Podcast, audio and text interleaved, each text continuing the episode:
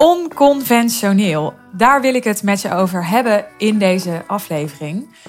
En voordat ik dit ging inspreken, dacht ik, nou, laat ik me dan wel een klein beetje voorbereiden, want ik bereid deze podcast nauwelijks voor. Het is gewoon directly out of my mind. Maar ik dacht, laat ik voor de gelegenheid toch even opzoeken wat volgens Google de definitie is van onconventioneel. En Google zegt anders dan gewoon en anders dan je zou verwachten. Nou, en misschien raad je het al. Als jij de onconventionele kanten van jezelf laat zien, of nog veel meer gaat laten zien, dan word je dus ook heel anders dan gewoon. En dus ook heel anders dan men zou verwachten. En daarmee word je instant onderscheidender. En doordat je uh, je meer onderscheidt, val je meer op, word je beter onthouden, uh, word je minder vergelijkbaar met anderen. Daardoor ontstaat er meer schaarste. Zullen mensen ook eerder bereid zijn om je meer te betalen? Nou, oftewel, onconventioneler zijn gaat je heel veel meer aantrekkingskracht geven. Dat is uh, bijna zeker. En toch zie je dat we dat lastig vinden. Veel ondernemers vinden dat toch lastig. Nou, zo ook um, een van mijn klanten die ik um, sprak.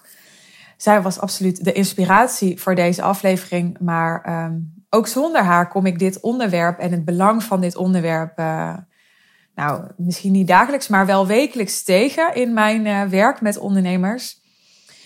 En uh, wat gebeurde er nou toen ik haar sprak? de vorige keer dat ik haar sprak, die context zal ik er eerst bij geven. Toen was ze heel erg bezig met. Nou, ik zeg niet dat ze er heel erg mee bezig was, maar ze zat in een soort modus van.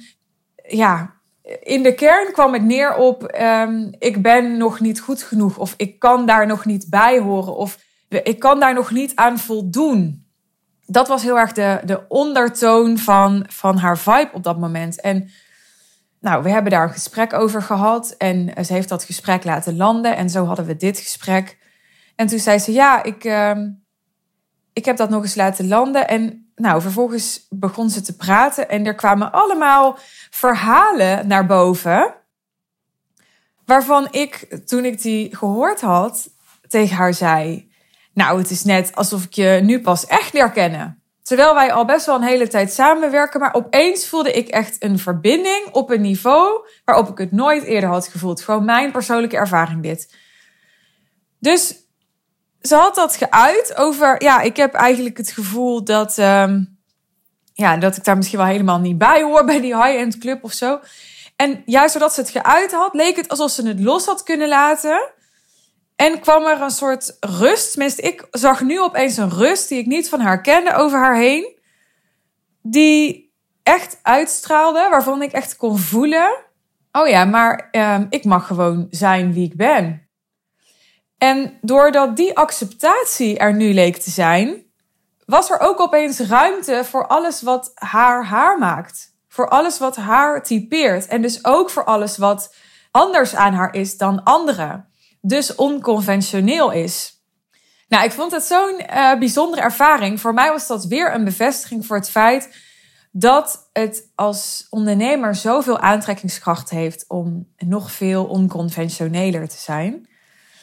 Want als jij uh, onconventioneel durft te zijn, dan gaat je rem eraf. Dat is wat ik nu bij deze klant waarnam. En dat is wat er volgens mij altijd gebeurt. Als jij anders mag zijn en als jij uh, dingen mag zeggen die uh, misschien niet helemaal sociaal geaccepteerd zijn, als je kanten van jezelf mag laten zien waar je misschien onzeker over bent, misschien ook ronduit gewoon niet trots over bent, als jouw schaduwkanten, daar gaat het dan over, er gewoon mogen zijn. Over schaduwkanten heb ik al eens eerder een aflevering opgenomen. Dan gaat de rem eraf. Maar niet alleen gaat de rem eraf. Dus niet alleen ga je je veel vrijer voelen. Ga je dus makkelijker je uiten. Makkelijker schrijven. Makkelijker video's opnemen. Makkelijker delen. Maar ook alles wat je deelt gaat veel authentieker voelen voor mensen. Want het is niet door een filter gegaan. Het is niet door een soort sociaal acceptabele trechter geweest. Nee, het is gewoon wie jij bent. Het komt gewoon uit uit jou. Het komt uit jouw Zonder dat er een soort gatekeeper tussen heeft gezeten over of dat het wel relevant genoeg is. Of dat je het wel kan maken. Of dat het wel oké is dat je zo bent of dat je iets vindt. Waar heeft onconventioneel mee te maken? Of beter gezegd, wat zijn nou voorbeelden? Want ik kan me voorstellen dat je naar op zoek bent naar onconventionele uitspraken of eigenschappen of kenmerken van mensen.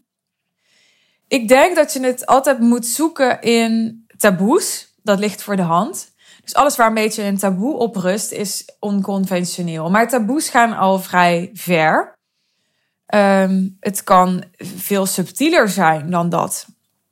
dus um, het feit dat jij eh, van onder tot boven getatoeëerd bent, bijvoorbeeld. Nou, ik weet niet of daar nou echt een taboe op rust. Volgens mij is, zijn tatoeages tegenwoordig toch wel redelijk geaccepteerd. En net zoals uh, allerlei verschillende geaardheden redelijk geaccepteerd zijn en noem het allemaal op. En toch is het wel, omdat je nog steeds een minderheid bent, als je van top tot teen getatoeëerd bent, uh, ben je wel daarmee een opvallende verschijning.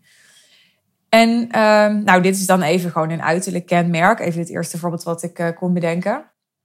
Maar natuurlijk ook opvattingen die ingaan tegen wat gemeengoed is, die zijn natuurlijk ook heel interessant, omdat ze onconventioneel aan jou zijn. Nou, denk bijvoorbeeld maar aan de hele coronadiscussie. Mensen die ehm, een heel uitgesproken mening daarover hebben, die vallen op. Die vallen gewoon op. Die, die, uh, die worden gedeeld, uh, die worden aangehaald in media. Of het nou positief is of negatief, maakt niet uit. Maar uh, die krijgen heel veel engagement, die krijgen heel veel aandacht. Bij andere maatschappelijke onderwerpen zie je dat ook. Bij de Black Lives Matter discussie of wat dacht je van Sinterklaas? Speelt ik ook elk jaar weer op. Dus wat is er onconventioneel aan jou? En dan liefst ook dingen die echt onconventioneel zijn. En niet van die dingen waarvan je denkt: oh ja, dat schuurt wel een beetje. Maar eigenlijk weet je donders goed dat ze nog steeds gewoon heel maatschappelijk geaccepteerd zijn. dus met onconventioneel bedoel ik echt. Uh, nou, heb je wel eens eh, in de gevangenis gezeten of zo? Of heb je wel eens. Uh, echt, echt, echt ehm, heel lelijk tegen iemand gedaan. Of iemand echt, uh, echt gewoon genaaid. Nou, nu zit ik heel erg in de, in de schaduwkantenhoek misschien.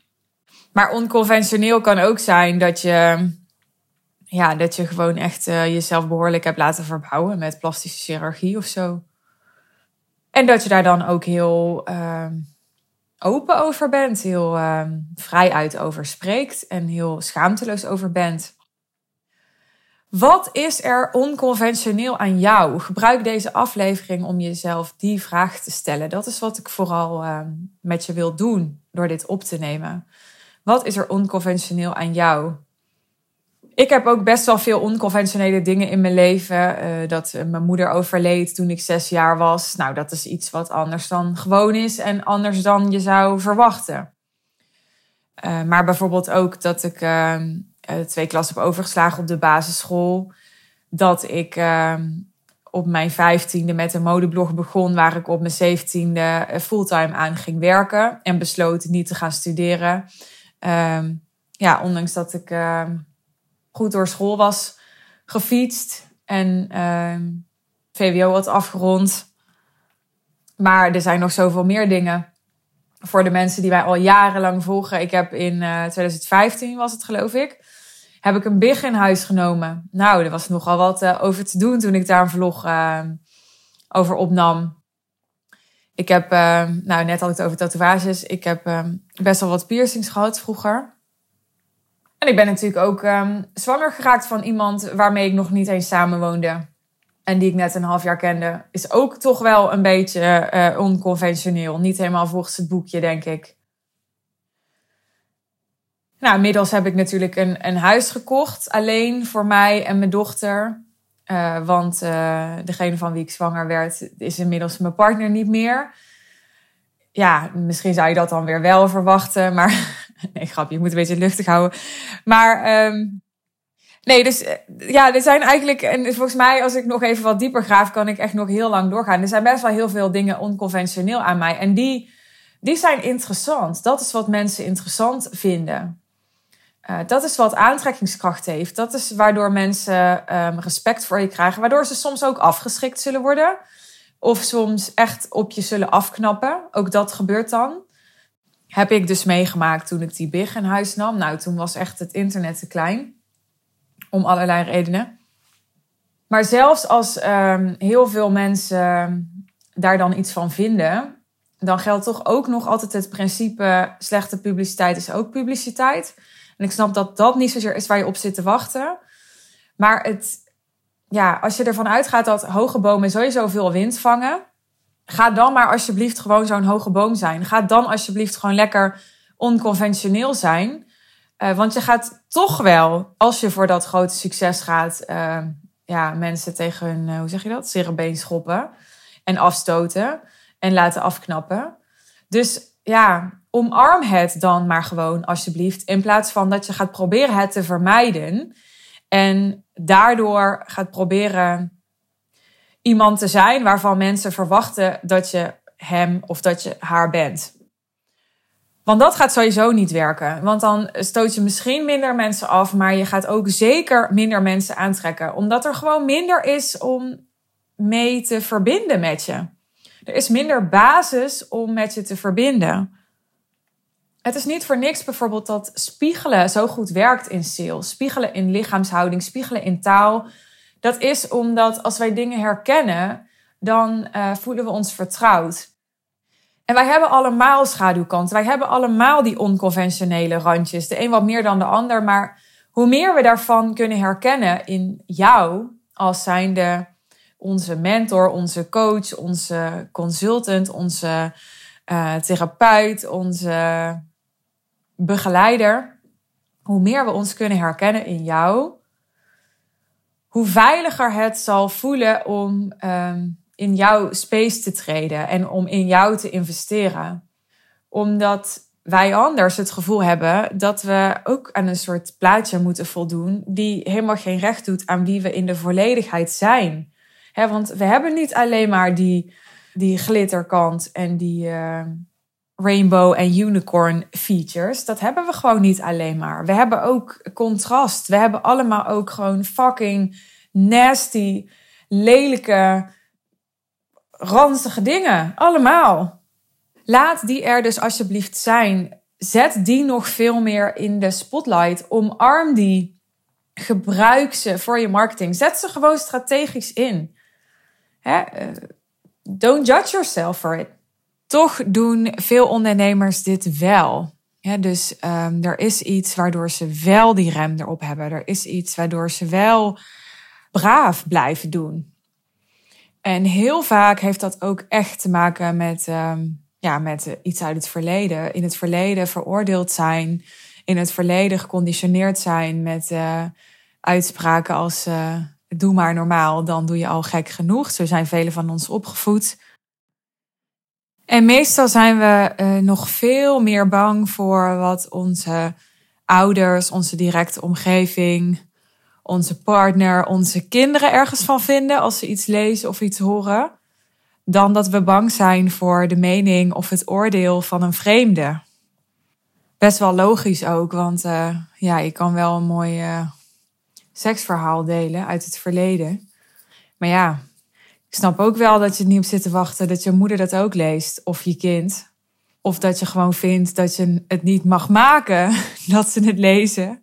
Dat je hen ervoor wil beschermen.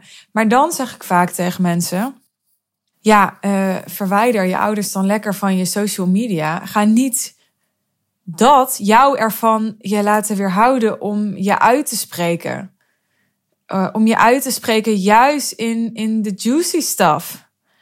Want dat is wat mensen willen. Ze willen de intriges. Ze willen niet het brave imago. Ze willen niet het gelikte plaatje. Dat is niet interessant. Dat beklijft niet. Dat intrigeert niet. Althans, veel minder. En je kunt echt evenveel van je ouders en je kinderen en iedereen houden. Als ze niet met je geconnect zijn op social media. Als jij social media inzet om je business te laten groeien, dan zet je social media in om je business te laten groeien.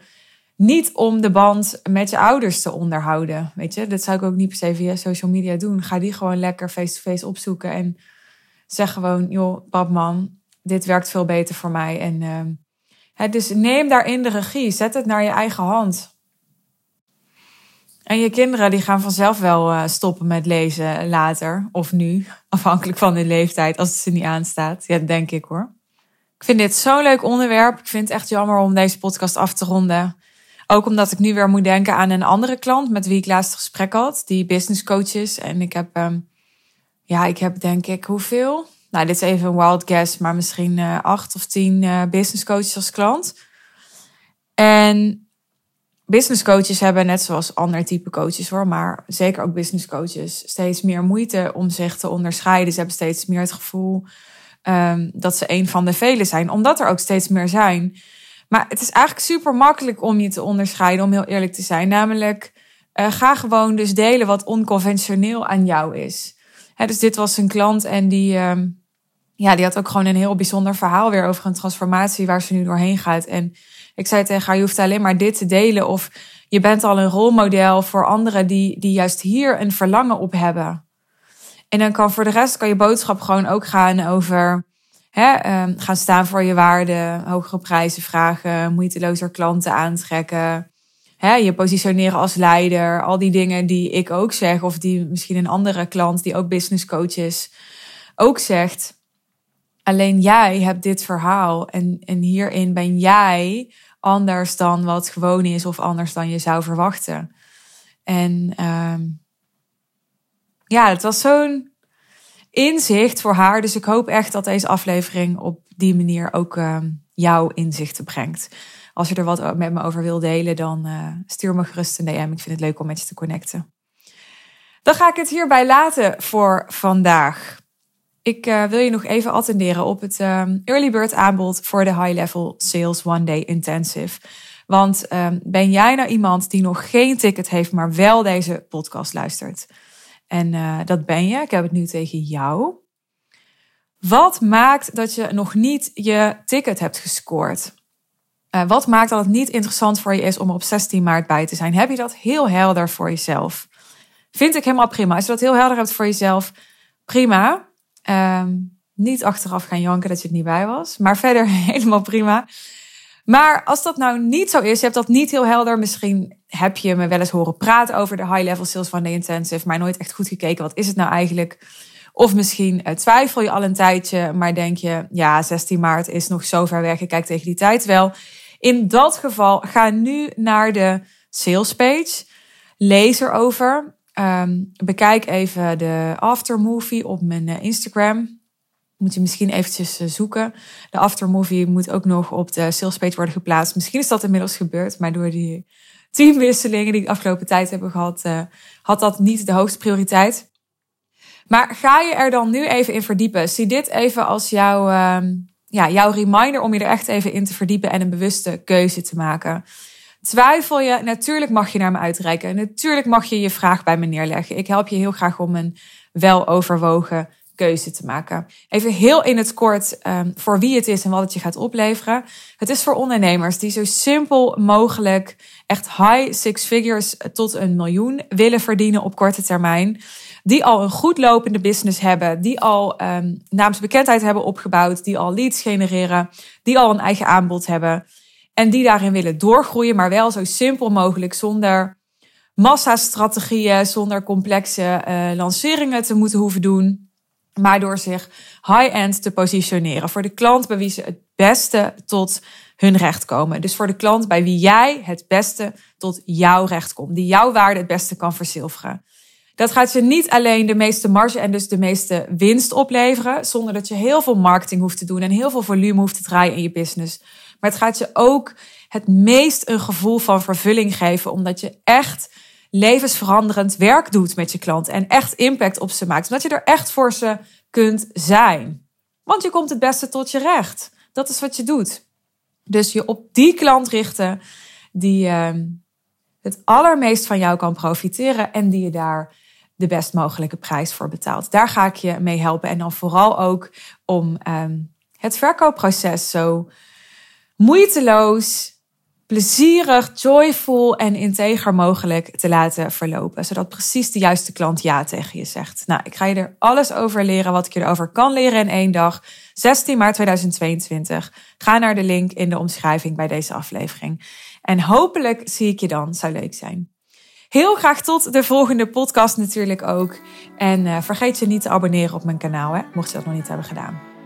Tot de volgende keer. Bye bye.